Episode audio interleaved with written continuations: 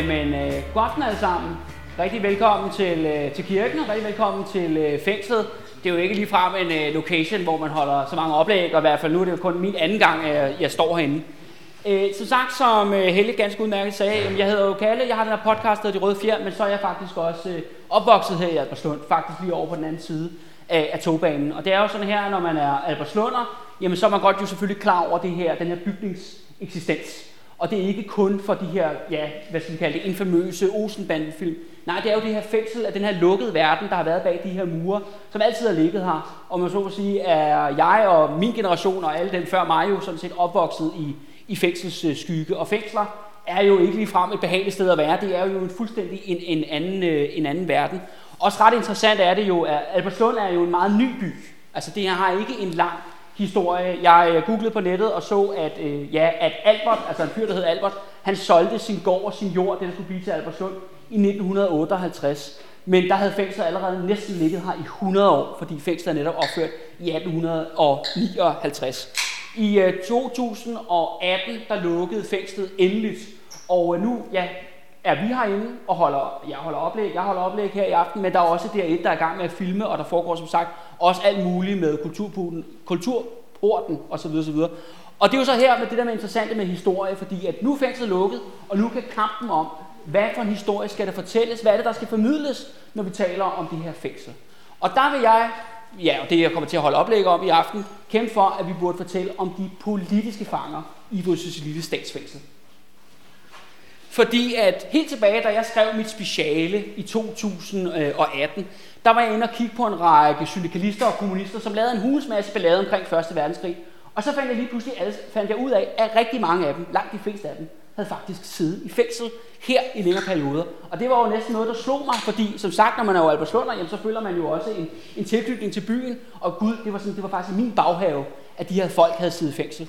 Og så begyndte jeg så at grave og kigge mere og mere på det her, og fandt ud af, at det var kun toppen af isbjerget. Fordi der viste sig, at der var mange flere politiske fanger, hvor der kommer fra. Og det kunne allerede spores tilbage til arbejderbevægelsens begyndelse i 1870'erne, og faktisk op til, ja, til og med 2. verdenskrig. Og som øh, Carsten fra Fængsmuseet udmærket gjorde mig opmærksom på til sidste oplæg sidste uge, jamen så har Blikkingadebanden også siddet her jo i slutningen af 90'erne. Så det der med at være et politisk fængsel, det er ligesom noget, der har været en del af vores lille nærmest altid, i hvert fald i dets, øh, i dets øh, fængselstid. Øh, og som I kan se her, så har vi jeg har fået været i Rigsarkivet og fundet en gammel plantegning, hvor man kan se fængslet dengang fra, ja, fra 1859. Øhm, og det skal siges, at det ikke kun venstreorienterede politiske fanger, der sidder. Der er også øh, fanger fra den politiske højrefløj. Også ret interessant, synes jeg, at der også har siddet en, en forholdsvis stor gruppe af homoseksuelle fanger, før at homoseksualitet blev legaliseret i starten af 30'erne. Dengang det var bare kriminelt og var homoseksuel, har de simpelthen også siddet i fængsel. Og øh, så går vi sådan set se til den, øh, den første af de personer, vi skal tale om, fordi jeg har valgt ligesom tre politiske fanger, som jeg synes på, må, på mange måder ligesom er med til at definere, hvad er den danske arbejdervæsen, hvad er den danske arbejdervæsens historie, men også fordi deres historie, den er lidt mere vildere end de andres. Og det første levende billede, det er en nummer 62, Harald Brix, som sad her fra 1873 til 1875. Og øh, det er en ret vild historie. Han er faktisk en af landet Danmarks første politiske satiretegnere, som ender faktisk med at blive dræbt af den danske stat i 1881, fordi han har tegnet en satiretegning af kongehuset, som han bliver dræbt for. Det er den her yderst herude herover på min, øh, på min venstre. Og, øh, og efterfølgende bliver hans liv stjålet af politiet. Og alle, der er med til hans, hans begravelse, de får simpelthen øh, bank. Harald øh, Brix, han er, kan man sige, en del af en trio, I måske nok har hørt om, netop øh, en fyr, der hedder Louis Pio, en fyr, der hedder Paul Galef, og så har vi Harald Brix. Og det skal siges, den meget mere kendte Louis Pio, altså Socialdemokratiets stifter, øh, det er faktisk øh, Haralds øh, fætter. Og øh, de her tre herrer, de ryger sig simpelthen ind og, øh, og bjælle, fordi de har startet jo et oppositionsparti, fordi de har startet det første arbejderparti, det første socialistiske parti i Danmark. I har nok hørt om det, der hedder slaget på fælden og alt den her ballade. Det ender jo så med, at de her folk, de, eller de her tre herrer her, de bliver anholdt og bliver dømt til at sidde lang tid i forbedringshus, som Rydsyns Lille var, øh, var dengang. Det var sådan her, at da de ankom til fængslet, øh, den her gang, der lå fængslet bare ude på en mark. Der var intet om det. Altså alt øh, Alberslund og alt det andet, det, det var ikke blevet bygget endnu, så der var kun tomme marker. Men togbanen, som stadigvæk går herude lige ude i baghaven, den kørte jo stadigvæk. Og det var sådan her, at øh, vagterne, der transporterede dem fra København, jamen de beordrede bare togchaufføren i at stå bremsen i, lige herude på marken. Så stoppede simpelthen det her tog, og de her tre gutter, de blev altså simpelthen gældet ud af det her tog, sammen med de her vagter, og så gik de simpelthen igennem kornmarkerne op til hovedindgangen, som vi så lige øh, deroppe. De kom ind i øh, fængslet, og det første, der skete, var, at de for eksempel havde klippet alt deres hår af. Altså alt deres skæg og kropsbehøjning osv. osv. Og så fik de så de her grå dragter på, som I kan se et eksempel af. Det er godt nok Louis Pio, en tegning fra 1870'erne. I kan se her, hvor at han er iført den er form. Han har sit fangenummer på brystkassen, og så har han den her maske på. Og den her maske er noget, vi kommer tilbage til. Det er noget, der kommer til at gå igen. Simpelthen ideen med Vrydsøs Lille Statsfængsel var på, den her, på det tidspunkt, at når man kom i fængsel, så skulle man være totalt isoleret. Man skulle sidde inde i sin øh, celle det meste af dagen og arbejde med et eller andet håndværk. Jeg kan afsløre, at Harald han skulle arbejde med børster. Han har simpelthen siddet og lavet børster herinde i øh, Vrydsøs Lille Statsfængsel. Og så var det, når man kom ud af sin celle, for eksempel, hvis man skulle på gårdtur eller andet, øh, så skulle man simpelthen have den her maske på. Og det var simpelthen ideen var, at hvis man mødte en medfang, så kunne man ikke genkende vedkommende. At man simpelthen umenneskeliggjorde, man ligesom udslettede, hvem de var. Man udslettede alt, hvad deres personlighed, og tvang dem til at være i de her celler næsten 24 timer i, i døgnet. Og øh, da de her tre herrer, altså henholdsvis Louis Pio, Harald Brix og Paul Delef, har fået klippet deres hår af, fået frangedragter på, fået trukket maskerne over, så ser de ikke hinanden i de næste 20 måneder.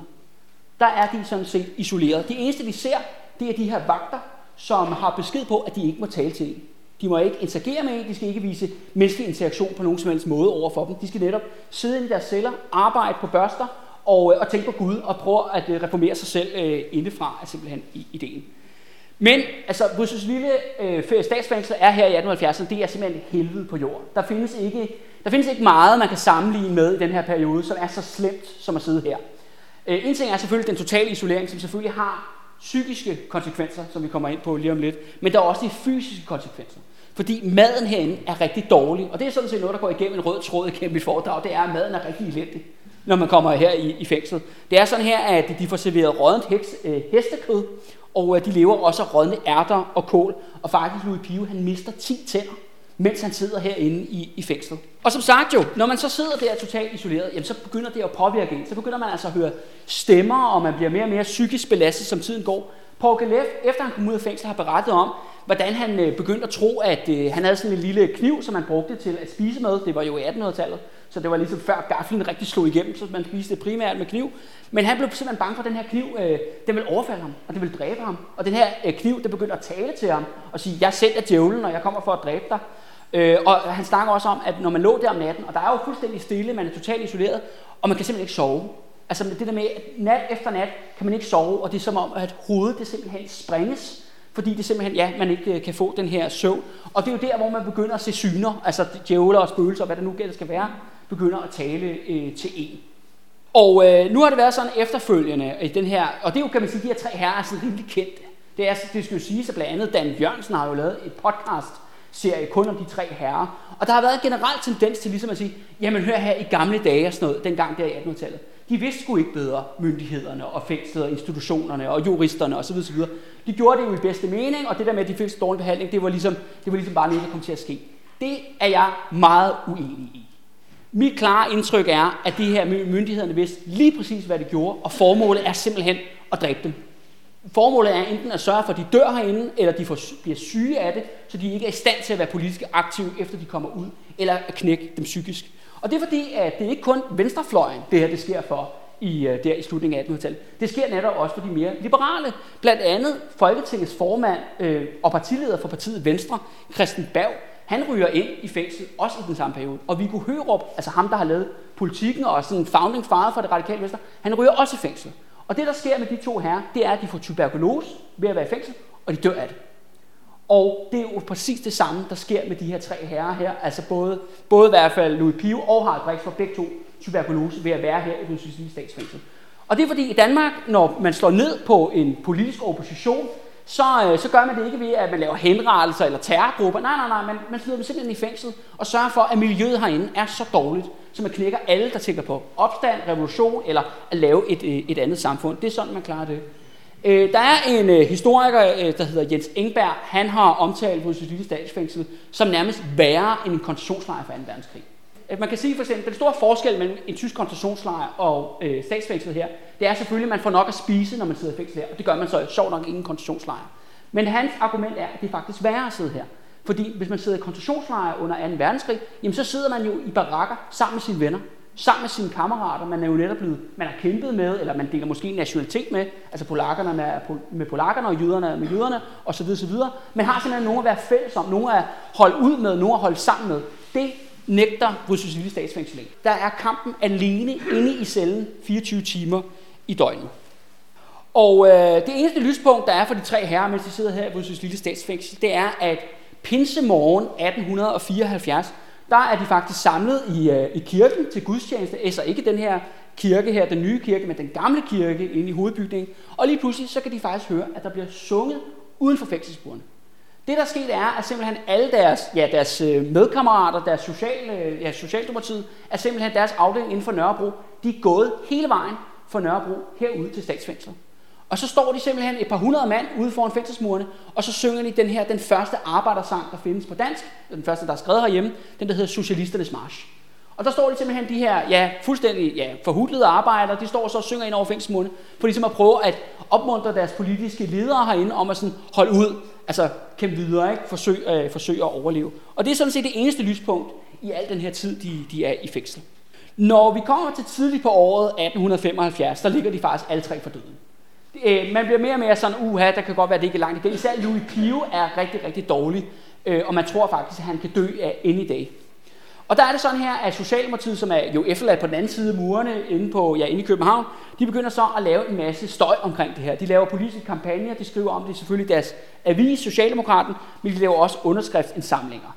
Og, og det gør simpelthen, at den danske stat begynder simpelthen at frygte, at de her tre herrer her, de kan blive martyrer.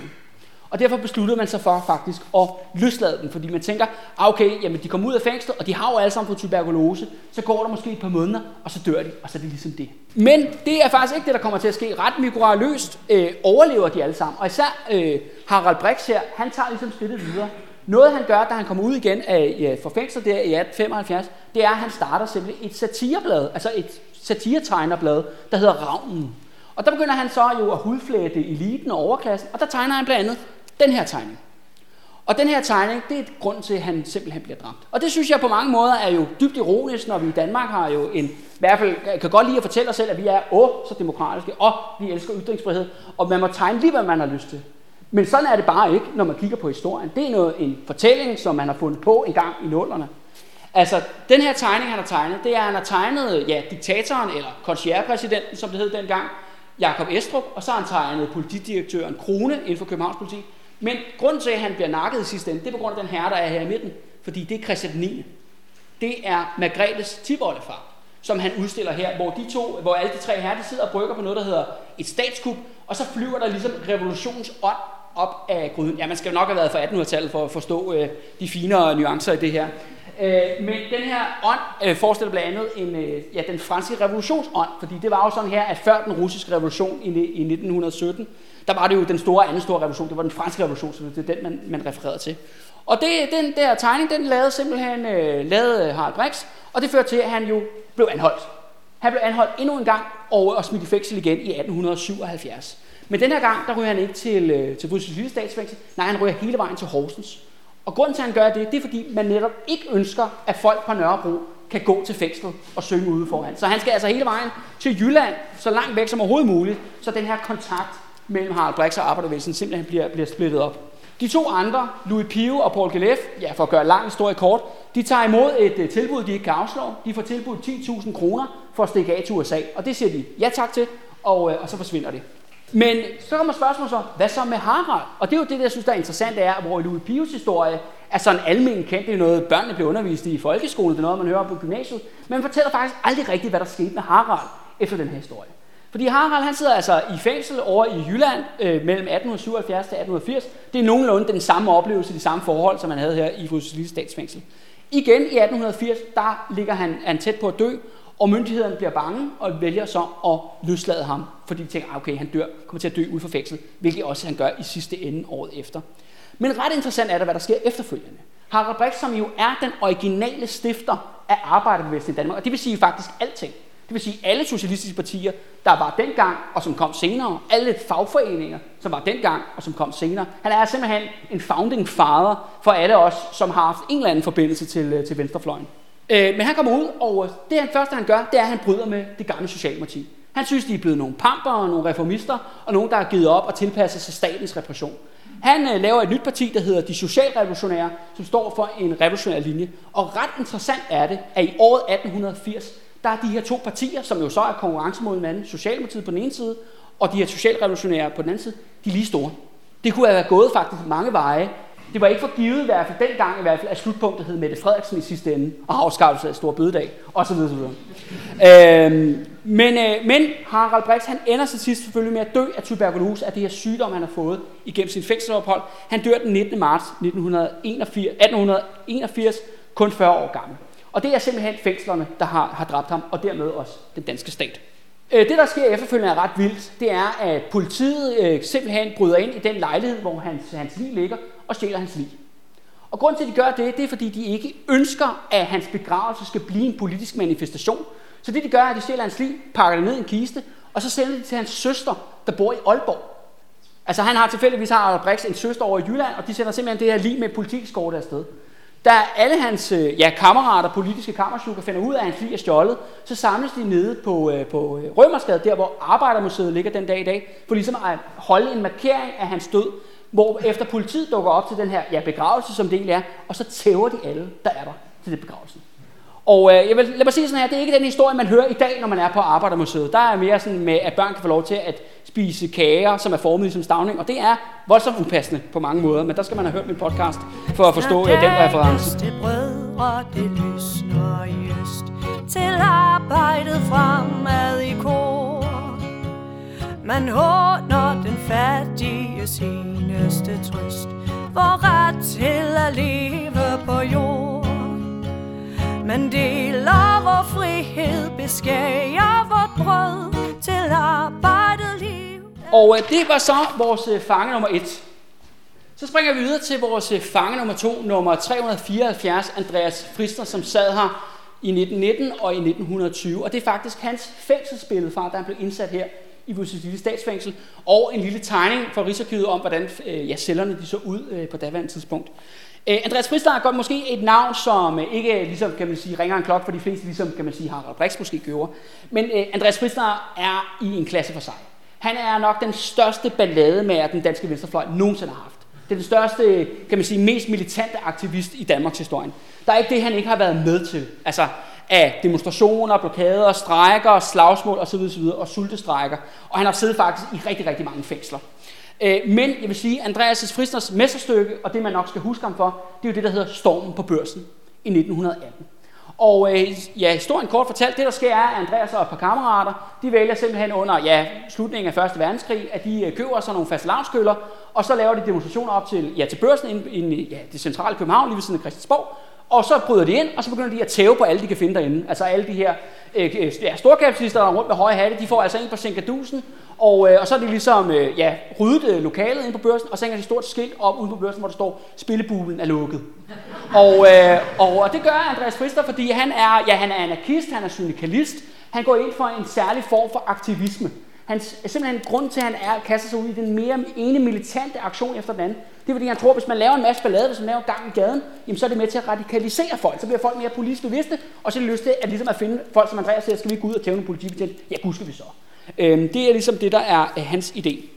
Øh, og det gør selvfølgelig også, Andreas Frisner er selvfølgelig Essen. han er, hvis han havde levet i dag, så har han været på FBI Most Wanted List, 100%. Altså han øh, var en, der var eftersøgt af myndighederne det meste af sit politiske liv.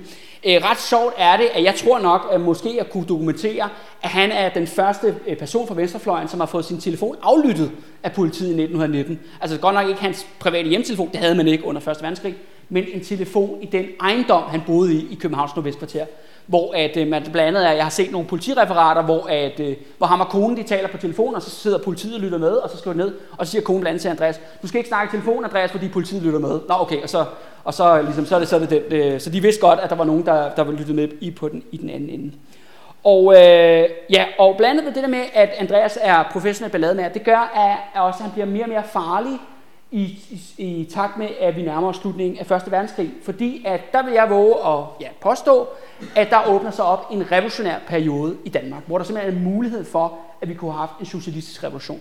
Det der sker er, udover at man har en masse syndikalister og kommunister og anarkister, som laver en hulsmasse ballade og en masse strækker og sådan nogle ting. Så har man også en stor her under 1. verdenskrig, der hedder Sikringsstyrken. Og den her øh, militærstyrke på mange, øh, på 110.000 mand, den er faktisk tæt på den massemyteri hen over sommeren 1918, hvor simpelthen soldaterne vil tage våben og vende mod deres egne officerer. Og det er der bestemt grund til, det er fordi, de bliver, bliver mishandlet, ydmyget og chikaneret, og det fører faktisk til i flere tilfælde, at nogle af de her værnepligtige, normale værnepligtssoldater, de begår simpelthen selvmord, mens de er i den danske her. Så der er altså simpelthen en vrede, en, en social eksplosion, der vokser op i her. Og det er jo det, Andreas Fritzner og de andre syndikalister og anarkister, de taler ind i og prøver at få de her folk til simpelthen at starte massemøderi, simpelthen starte revolutionen. Fordi det er jo også i samme periode, at vi har jo den russiske revolution i 1917, og vi har den tyske revolution i 1918. Og al den her ballade, den kulminerer ligesom med noget, der hedder slaget på Grøntorv, som vi måske har hørt om. Det er reelt set ikke kun et slag, det er et slag, der faktisk varer i tre dage. Tre dage skadekamp i det indre, indre København. Der er Andreas selvfølgelig øh, forrest i feltet øh, og slår ud til højre og venstre, men det lykkedes ham faktisk, da politiet ligesom er i gang med at slå den her ja, forsøg på revolution opstand ned, at øh, han øh, faktisk flygter, og han vælger faktisk at tage til Tyskland for at opsøge den tyske revolution, og der møder han blandt andet den meget kendte tyske revolutionær Karl Liebknecht, og siger, ved du hvad, Karl, vi, vi kunne lige bruge en rød armé op i København til lige at få fikset den der revolution. Men så siger øh, Karl Liebknecht, ved du hvad, du, vi har pænt travlt herhjemme øh, her i Tyskland, så ved du hvad, det må du lige klare selv. Så Andreas bliver altså nødt til at tage hjem til Danmark, og der bliver han faktisk anholdt. Og, øh, og det er jo, har myndighederne ventet på i lang tid. Jeg har set et dokument fra den daværende statsminister, der hed øh, Sale for det radikale venstre, der har et dokument, han har skrevet ud, hvor han siger bare, fang de der folk. Altså få dem spærret inde, altså Andreas Fristner og, øh, og hans venner. Og øh, de smider så Andreas i fængsel, men problemet er bare, da de har ham i fængsel, at de kan sgu ikke rigtig bevise noget. Altså selvfølgelig ved alle, hør, Andreas er skyldig af, af charge. Han har lavet en masse ballade, han har taget en masse politibetjent, han har prøvet at starte en revolution i Danmark. Det er der ikke nogen tvivl om. Men myndighederne kan faktisk ikke rigtig bevise det i en retssag. Fordi at der ikke, han er ikke blevet fanget i gerningsøjeblikket, og alle hans venner de holder selvfølgelig deres kæft. Så det der sker er faktisk, at den her retssag, den trækker ud, og det ender faktisk med, at Andreas bliver nødt til at sultestrække for at få en dom. Og han får så en dom, så han kan ryge her til Fodsyds lille statsfængsel. Så han nærmest, ja, han, jeg vil sige, han kræver nærmest at blive sat ind her i, i, i fængslet. Og jeg har set hans retssag, som ligger i Rigsarkivet, og det er en stor joke. Altså det er ikke, det vil man kalde retssikkerhed, det er en by i Sovjet-Rusland øh, på daværende tidspunkt, også i Danmark. Og øh, ja, Andreas han kommer så ind, og han er jo så sammen med en gruppe andre ledende syndikalistiske, kommunistiske fanger herinde. Der er blandt andet en fyr, der hedder Christen, Ellie Christensen, som måske nogen har hørt om, fordi han har skrevet den her bog, der hedder En rabarberdreng vokser op. Han sidder også samtidig i fængsel med Andreas, og de, jeg skal sige, er, er gode venner, øh, by the way. Og øh, Andreas kommer ind i fængsel her, og øh, Andreas han er uddannet smed, så han har faktisk et ønske om at arbejde på værkstedet, som faktisk ligger bag her ved kirken. Der ligger faktisk et gammelt værksted dernede. Men det bliver simpelthen nægtet af vagterne, af fængselspersonale, fordi de er bange for, at Andreas vil simpelthen radikalisere de normale kriminelle fanger. Og det er der nok en stor sandsynlighed for, at han ville, øh, hvis han kunne slippe afsted med det. Så de vælger simpelthen at holde ham i isolation, ligesom det skete for, øh, for Harald Brix. Øh, men det er sådan her, at øh, vagterne har et, virkelig et horn i siden på Andreas, og han har også et horn i siden på dem. Fordi Andreas er det, man vil kalde en voldelig fange. Han, er, han laver ballade, han slås, han slår ud efter dem, kan man se på i fængselsbogen. Altså han er ikke ligefrem en rolig fange. Og øh, personalet de beslutter sig for, at de gerne vil straffe ham. Men problemet er bare, at han sidder allerede i isolation. Og det er jo ligesom den hårdeste straf, man har. Hvad fanden gør man så? Så derfor vælger de simpelthen det, de gør, at smide ham ind i det, der hedder, det de kalder lorteceller. Det er sådan her, at det her isolationsfængsel fører til, at folk bliver skøre, og nogle folk, der bliver skøre, de tager simpelthen deres egen afføring, og så begynder de bare at smøre det ud over det hele. Og når sådan en fanger simpelthen har lavet sådan en nummer af sin celle, så tænker vagterne, må du hvad, den fikser Andreas. Så Andreas han bliver simpelthen flyttet ind i den her lortecelle, og så får en tandbørste, og så kan han ellers gå i gang med at skrabe lort øh, ned, øh, ned af væggene. Øh, og en anden ting er også øh, ret interessant i forhold til de her masker, jeg nævnte i forhold med Harald Brix. Fordi nu er det sådan her op til, nu er vi jo gået fra ja, 1870'erne til, øh, til starten af 1920'erne, og, øh, og der er det sådan her, at de her masker på papiret er blevet frivilligt, og hvorvidt man skal have de her masker på, når man er i fængsel. Men i praksis, så bliver alle fangerne tvunget til at have dem på. Vagterne, de gider sgu ikke at lave noget om. Hvorfor ændre på noget, som tydeligvis gør folk vanvittige? Det holder vi, det holder vi fast i. Men der er det sådan her, at de her ja, venstreorienterede kommunistiske fanger, venstre revolutionære fanger, de får ligesom talt sammen igennem bankesignaler og beskeder, whatever. Og de tager simpelthen en fælles beslutning om, at øh, fordi der sidder sådan, ja, syv af dem herinde i fængslet, at de, de øh, beslutter for, at de vil ikke have masker på. Fordi det betyder, når de så engang man skal på gårdtur og ud af deres celler, så kan de måske møde nogle af deres kammerater og lige se dem i øjnene. Altså se, at de også er mennesker. Ligesom få noget ja, menneskelig genkendelse, fordi det er altså noget, man bare altså, hungrer efter, når man er på den måde isoleret. Og øh, det vælger de simpelthen at gøre som politisk aktion, og det lykkes faktisk også, at de får lov til det sidste ende. Og det fører faktisk også til, at fængslet efterfølgende, efter de er blevet løsladt, mere og mere går væk fra de her brugen af masker, øh, og ligesom det lige så langsomt begynder at glide ud. Så det har de faktisk haft en, en positiv øh, impact øh, her. En anden ting er som også selvfølgelig det her med lorteceller. Andreas øh, klager rigtig meget over, at der er jo vanvittigt ulækkert i vores statsfængsel. Så kan man sige, at der er ikke noget, der har ændret sig, siden Harald Brix øh, var her øh, på den front. Ret interessant, øh, hvis I går ind på DR1 øh, Bonanza, der kan man faktisk finde et interview med Andreas Frisner fra 1963, så hvis jeg har lyst til at høre hans stemme. Og der fortæller han faktisk om sit ophold her i fængslet. Og det er sådan her, at Andreas Frisner har siddet i alle mulige fængsler. Han har siddet jo øh, ja, i fængsel i København, han har også siddet i fængsel i Jylland, han har siddet i militærfængsel, han har da siddet i fængsel i Malmø, altså han har også prøvet at være i, i svensk fængsel. Men han siger, det værste fængsel det er her, og det er på grund af den her ufattelig dårlige hygiejne og den dårlige mad. Han siger blandt andet, at, øh, at det var sådan her, at når man sad i sin celle, at så skulle man vaske sit spisebestik og sig selv, altså sin kropshygiejne, i koldt vand for toiletkummen. Det var det simpelthen, han blev udsat for. Og så blev han som sagt smidt ind i de her lorteceller, når der ligesom var en celle, der var øh, belortet. Øh, en anden ting, som er sådan lidt sjov, det er, at man kan se, at vagterne, øh, udover at de har mange problemer med, der er mange lange rapporter på Andreas og hvad han har haft gang i. Men en anden ting, som er meget sjov, er, at vagterne går vanvittigt meget op i, om hvorvidt han onanerer. Og det skal så siges, det er sådan en start af 1900-tallet ting. Øh, jeg har nok hørt om uh, Kellogg's uh, Cornflakes. Den her mand, der lavede Kellogg's Cornflakes, han mente, at underlig gjorde, at folk blev sindssyge, og de fik kraft. Og derfor prøvede man ligesom at stoppe det, stoppe onani i det hele taget. Og det var også noget, man havde fokus på som vagtpersonale, dengang i starten af 1900-tallet, og sige, uha, hvorfor er han så voldelig, hvorfor er han så revolutionær? Men det er nok, fordi han onanerer. Og øh, det er ligesom det, der er ligesom deres øh, konklusion. Og øh, jeg kan i hvert fald afsløre, i hvert fald, at Andreas Frister, han onanerede i fængslet, mens han var. Så er det i hvert fald øh, sagt. Men mens de sidder her, så opstår der faktisk også en større skandale i medierne, som godt nok ikke har noget at gøre med det venstreorienterede fanger, det handler om nogle andre fanger. Fordi mens de sidder i fængsel, alle de her ja, revolutionære, så er der også den tidligere justitsminister Alberti, som også sidder i fængsel. Og en anden øh, millionær, der hedder Tøresen, som har lavet noget, ja, hvad hedder det, fusk og med, hvad hedder det, sit, sit firma. Og de her to herrer, de har haft øh, faktisk to dobbeltceller herinde, hvor de har haft tjener på og gramofonplader, og de har drukket vin og spist dyre bøffer og sådan nogle ting.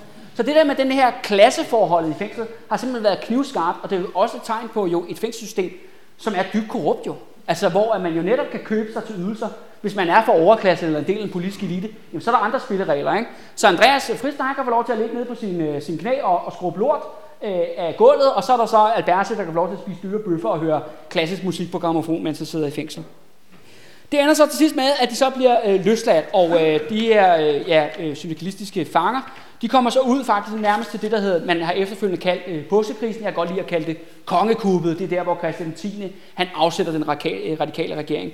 Og der er jo selvfølgelig en masse ballade og gadekampe, hvor at, øh, Andreas han deltager på fuld smadre i, øh, i de her øh, begivenheder. Øh, men efterfølgende, efter al den her ballade ligesom er overstået, jamen så bliver øh, det her ja, anarkister og cyklister og alle mulige, hvad de nu ellers er, de blev ligesom samlet i det, der hedder DKP, Danmarks Kommunistiske Parti. Og øh, det har Andreas lidt svært med. Andreas er ikke sådan en, han, vil ikke det, han er ikke så god til det, der hedder partidisciplin og ensretning. Han kan godt lide, at der er en masse ballade og ude og slås, og, og det betyder for ham, at som, det bliver, ja, som 20'erne går, som 30'erne går, så bliver han mere og mere politisk inaktiv, og ligesom lige så langsomt glider ud af politik. Øh, og det ender faktisk med, at han dør i øh, 1969, øh, hvor han i en, i en alder af 80. Men det skal så siges, at åbenbart Andreas Christner havde jernhårdt øh, helbred, men det var ikke tilfældet for Christian Eli Christensen, ham der, der skrev en rabarberdreng voksede op. Han blev faktisk, han fik tuberkulose herinde i vores statsfængsel, og det gjorde faktisk, at han røg ud af politik, og det er også det, der i sidste ende fører faktisk til, at han dør i 1962. Så det her med sygdommen, det er på ingen måde øh, forsvundet. Tusind og så på, hvor blev lagt. Vi bare det og tag i vor nød. Men er vi de mange, så værer det sagt Vi fordrer det daglige brød Samdrægtige går vi i sorg og i nød Til arbejdet Og jeg har selvfølgelig gemt det bedste til sidst og øh, det er selvfølgelig øh, den her herre, der hedder Richard Jensen, som har siddet her under øh, 2. verdenskrig fra 41 til 1944. Og øh, en ret sjov detalje, da jeg var på Rigsarkivet og kiggede igennem ja, på hans dokumenter, der er efterladt derinde, så fandt jeg blandt andet den her ja, for hans øh, fangebog, og så skal I prøve at lægge mærke til en sjov detalje. Det er, at hvis man kigger på cellenummer, Og der kan man se, der har vi en fyr, øh, der hedder Johan lige over. Han er vist ja, teori, røveri øh, fyr. Han sidder bare i én celle, men Richard han skifter celle hele tiden. Han bliver ved med at flytte rundt, og det er fordi, at øh, Richard Jensen, der findes ikke noget som ham, når det kommer til den danske arbejderhistorie, den danske venstrefløjshistorie, fordi han var simpelthen kongen af den røde underverden i 1930'erne. Han var en to meter høj søfyrbøder, som efter sine drak tre kasser bajer om dagen. Øh, det er sådan her, at vi har beretninger fra tyske og russiske kommunister, som ligesom kender Richard igennem alle mulige øh, illegale ting, de har gang i, men de alle sammen snakker om, at der er ingen af dem, der har lyst til at komme til København, fordi hvis man kommer til København, så skal man drikke øl med Richard. Og det er altså de færreste, der, der holder til det i længden. Øh, så de fleste vil faktisk gerne, gerne øh, springe København over. Øh, han er på mange måder en, en sjov karakter, fordi han var virkelig sådan en lojal kommunist, altså lojal over for Stalin, Sovjetunionen og alt det her til. Men på den anden side, så var han også vanvittigt dårlig til at følge ordre. Øh, meget ironisk, vil jeg sige. Øh, meget sådan, kan man sige, en, en fyr, som virkelig øh, lavede en masse ballade i gaden. En af hans yndlingsbeskæftigelser var, det var at sidde på værtshuset nede i Nyhavn og drikke sig fuld. Altså, han skulle jo gennem de der tre kasser bajer jo. Og så sad han og svinede Axel Larsen til, altså formanden i DKP, og selvfølgelig sad og råbte om alle mulige hemmeligheder og alle mulige våbenleverancer, han havde gang i. Man siger faktisk, at i midten af 1930'erne, dengang at den spanske borgerkrig raser nede i Spanien fra 36 til 39, at den nærmest ikke kunne have fundet sted uden Richard Jensen. Det er sådan igennem hans øh, post som formand for Søfyrbydernes øh, fagforening her i København nede i Nyhavn, at han simpelthen er en stor smuglerkonge. Han smugler våben, propaganda og mennesker. Altså han er simpelthen manden, der holder hele den kommunistiske røde underverden i Europa, og faktisk på global skala i, øh, i live øh, og simpelthen sørge for, at det glider. Og København er den simpelthen den store gennem, øh, gennemfartsport for alle de her agenter og våben osv. osv. Det er ret sådan en vild historie, som ikke passer særlig godt ind i sådan en hygge-nygge, matadoragtig Danmark-fortælling, øh, hvor vi sidder nede på kronen og hygger os lidt. Nej, nej, så er der altså også en vanvittig kommunist, der løber rundt og drikker øl og simpelthen sørger for, at øh, der er en masse, masse spanier, der bliver dræbt et sted øh, ud, nede sydpå. Øh, og det er sådan her, at når man har sådan en position, når man er så magtfuld en mand, altså han har virkelig haft også en høj stjerne i Moskva, så betyder det selvfølgelig også, at man er en vanvittig eftersøgt mand. Altså både selvfølgelig af de danske myndigheder, men også selvfølgelig af Gestapo, altså det tyske politi, er efter ham. Faktisk så prøver Gestapo flere gange i løbet af 30'erne at sende simpelthen hold til København, der skal prøve at kidnappe ham.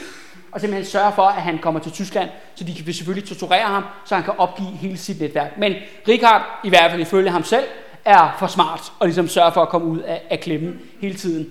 Men der er også en anden side, en mere mørkere side af medaljen, det er jo også, at øh, historien går også på, at Richard Jensen han har altså et sommerhus nede i Køgebugt, som fungerer som et internt torturfængsel for den kommunistiske undergrund, altså under ja, alle de her udenlandske kommunister. Og det er sådan her, at hvis man er forræder for den kommunistiske sag, jamen så kommer man en tur ned i det der sommerhus og får sådan en gang bang, og når man så er færdig, jamen så, får, så tager Richard Jensen altså sin lille motorbåd og sejler ud i midten af Køgebugt, og så får man altså et skud om i nakken, og så bliver man så dumpet ned i bugten. Altså det er altså politik, som, som der sparker røv her. Det er altså ikke, det er altså ikke for, for kostskoleelever det her. Og, øh, og det er sådan her, at på mirakuløs vis undgår Richard Jensen at blive likvideret eller kidnappet igennem 1930'erne. Men så kommer selvfølgelig besættelsen, altså 9. april øh, 1940, og Danmark bliver besat. Det er sådan her, at øh, øh, Richard Jensen han bliver anholdt i marts 1941, altså før alle de andre kommunister ryger i lejr. Og grunden til, at han ryger det, jamen det er fordi selvfølgelig tyskerne, der er de besat Danmark, der har de bare sådan, ja, vi har et meget, meget stærkt ønske om, at Richard Jensen skal i fængsel. Øh, fordi han har selvfølgelig en masse information. Og der er det sådan her, at myndighederne de knaller ham på et bombeattentat, han har begået mod nogle øh, både oppe i Frederikshavn i 1938. Der har Richard Jensen lige kommet til at lave et lille terrorangreb. Øh, men det er altså først øh, nogle år efter, i 1941, han sådan set bliver knaldet for det. Ret, øh, kan man sige, symptomatisk for deres forhold, der vidner Axel Larsen imod ham i retten, og sørger simpelthen for, at han kommer ind og bjælle her i øh, Vossyssel statsfængsel, og han bliver faktisk dømt 16 år. men det er jo ikke noget, der er så skidt, så det er godt for noget. Det er faktisk ret heldigt for Richard, at han ryger i Vossyssel statsfængsel, fordi alternativet er jo tysk koncentrationslejr. Og der har jo trods alt været en udvikling siden 1870'erne op til, øh, til 1940'erne, det er, at Rysselig statsfængsel er blevet et bedre sted at være. Det her med isolationsfængsel har man faktisk opgivet på det tidspunkt. Det vil sige, at gården ser ud, som den gør nu, som store fællesarealer, hvor fangerne kan sådan set mødes og, og tale sammen og, øh, og så videre. Og maden er måske blevet en lille smule bedre, selvom den også stadigvæk er rigtig dårlig. Øh, ja, han, sidder, han når faktisk at sidde her i 3,5 år, indtil han har en dramatisk flugt, som jeg tænker, vi skal slutte øh, dagens øh, oplæg øh, af med. Øh, men han har faktisk, øh, han fører faktisk fængselsdagbog, mens han sidder her i fængsel, så vi ved ret meget om, hvad han har øh, haft gang i. Og for det første noget, at han, det første, jeg lægger mærke til, det er det her med maskerne, som vi allerede har talt om to gange nu. Fordi det er sådan her, når vi når til 40'erne, der er der kun én person, der har maske på i hele fængslet, frivilligt. Og det er sådan en borgerlig fyr, der hedder, som en tidligere oberst, der hedder Ørum, og som øh, Richard Jensen siger, at det var enormt fjollet jo, han var den eneste, der havde maske på, fordi så vidste alle, hvem det var jo. Uh, I modsætning til alle os andre, som også de kriminelle fanger, som sådan set ikke havde masker på. Uh, Richard Jensen har også et uh, ret stort og horn i siden på meget fængselspersonale. Han mener for eksempel, at uh, fængselsinspektøren har, han har øh, nazistiske sympati, øh, sympati, øh, sympatier, og også mange af vagterne er sådan mere eller mindre, de er i hvert fald antikommunister, de er i hvert fald, nogle af dem er fascistisk indstillet. Der er især en vagt, som er sådan det kollektive hadeobjekt for alle fanger, uanset om det er politiske fanger, eller om det er normale kriminelle fanger. Og det er en vagt, hvis navn han, han, han bliver bare kaldt æblemorderen. Og den her æblemorder, åbenbart den her gang under i 1940, der er der stået et æbletræ et sted her i fængselsgården. Og det er jo klart, at mange af de her fanger, de gider jo ikke, altså de får serveret dårlig mad op i cellerne, øh, så de vil jo selvfølgelig gerne have et frisk æble, hvis der kan få en mulighed for det. Så, men hver gang, der ligesom, når de har gårdtur, at en fange bevæger sig hen mod æbletræet for ligesom at tage et æble op fra jorden, så kommer simpelthen æblemorderen spændende, og så tramper han på alle æblerne, øh, så, var, så fangerne ikke kan få lov til at få æbler, ikke? fordi han er tydeligvis en smålig idiot, øh, som ligesom, ligesom nægter det. Og Richard Jensen, han, øh, han mærker virkelig den her, den her dårlige kost, der er i fængslet. Øh, da han bliver sat ind i Vrydsyds lille statsfængsel, der vejer han 125 kilo, Øh, men han ryger ned på 87 kilo, da han flygter. Han taber altså 38 kilo, mens han er her inde i, i fængslet. Øh, han taler også rigtig meget om det, de kalder børsen. Og børsen, det er simpelthen ikke i den her kirke, men i den gamle kirke. Altså som Richard Jensen siger, han har jo været kommunist det meste af sit voksne liv. Han har sgu aldrig, det der med religion, det siger ham, det siger ham natteren fis. Men når man er i fængsel, så kommer man i kirke hver eneste søndag. Fordi det er simpelthen her, man har muligheden for at handle på børsen, altså få simpelthen smule øh, cigaretter og chokolade, eller hvad det kan være, og man kan sidde og udveksle nyheder, når man sidder der øh, ja, med, med fangerne og, og kigger på en eller anden præst, der bræger noget om Jesus op ved toppen. Og faktisk ret sjovt er det også, at Richard Jensen bliver faktisk også gift, mens han er her i fængslet, med sin anden kone.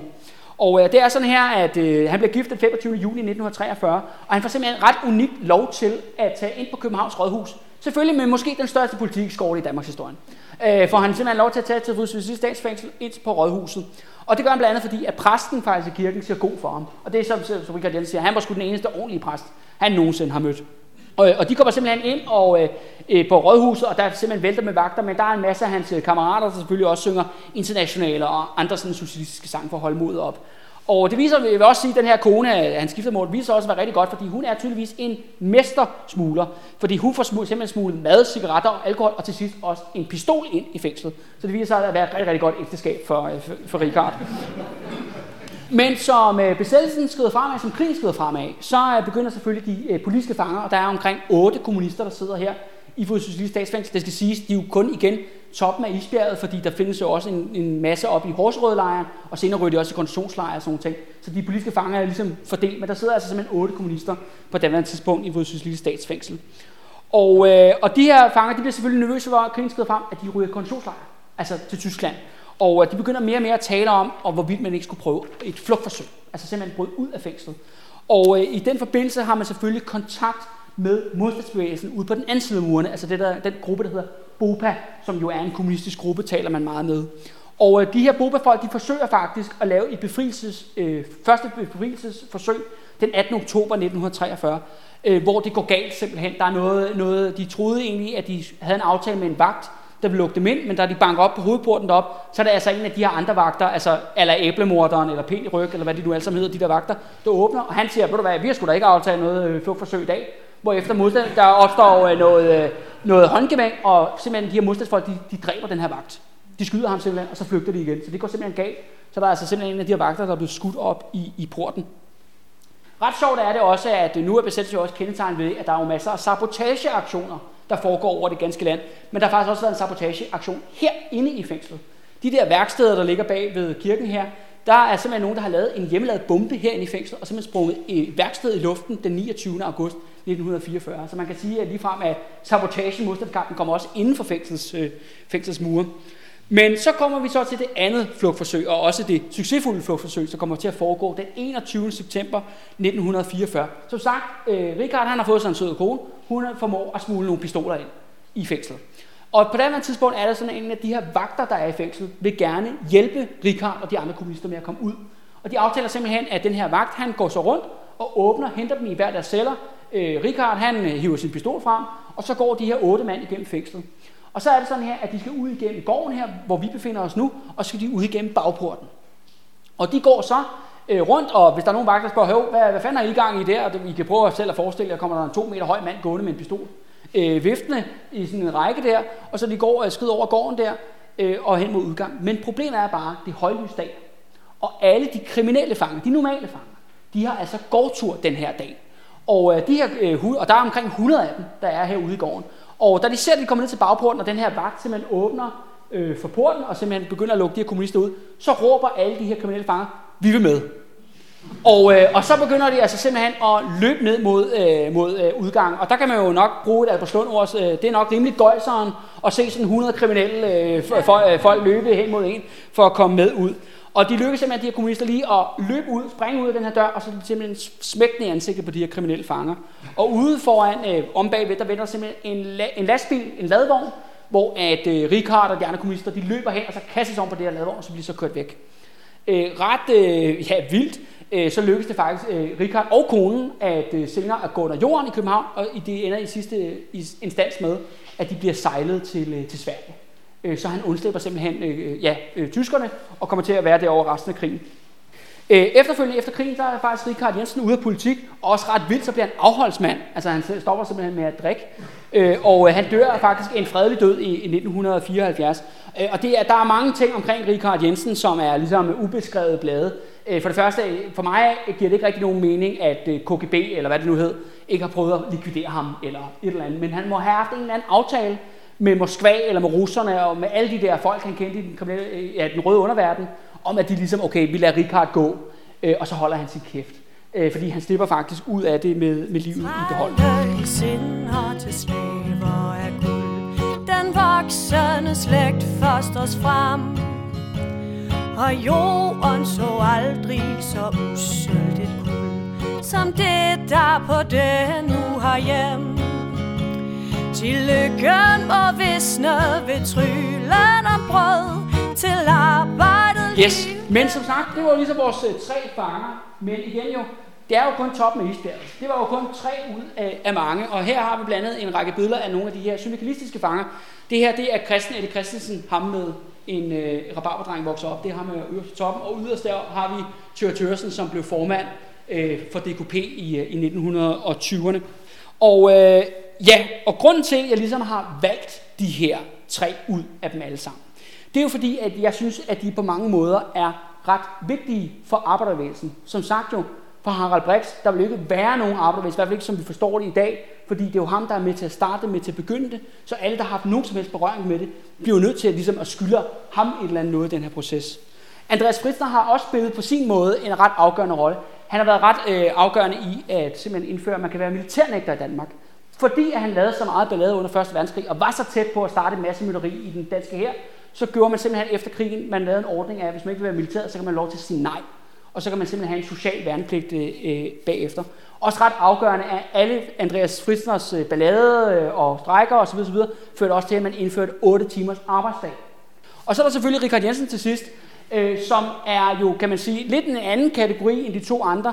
Men det afgørende er jo efter 2. verdenskrig, at vi får jo velfærdsstaten. Vi får jo alle de her velfærdsydelser fra SU til folkepension og you name it. Og hele denne, alt den her idé med den her velfærd, der, bliver, der, er en grund for, der er i hvert fald en fortælling mange steder om, at alt det her velfærd, det er bare noget, der er kommet dalen ned fra himlen. Det er noget, vi skal være så taknemmelige for, at politikerne har ligesom skaffet og givet til os. Men det vil jeg ikke våge at påstå. Det er de, de tre herrer der, der har været med til at give os det. Fordi at som historikeren Søren Mørk engang har sagt, velfærdsstaten er bestikkelse.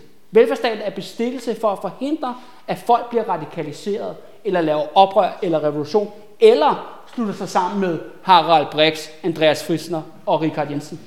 Øh, det er simpelthen en måde simpelthen for at pacificere øh, befolkningen på. Og det er jo det der med, en af mine sådan, ting er, at øh, jeg vil jo gerne gå op med den her hygge Danmarks historie, og sige, at det er de her ballademager, det er de her oprørere, der laver bål og brand ude i gaden, der skubber på udefra, som er ret afgørende for, at i sidste ende, der kommer toppen til at give sig, og ligesom levere det her velfærd, og give de her indrømmelser, så det her med, at velfærdsstaten, jamen den er tilkæmpet, men den er altså tilkæmpet af de her tre herrer her.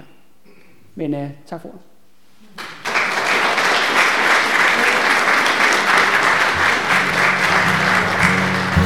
Falde, hvad ikke kan stå Men ræk mig, o broder, din bakkede hånd Før i løgn og sul vi forgår en bygning, vi rejser til skærm i vor nød Til arbejde, liv eller død.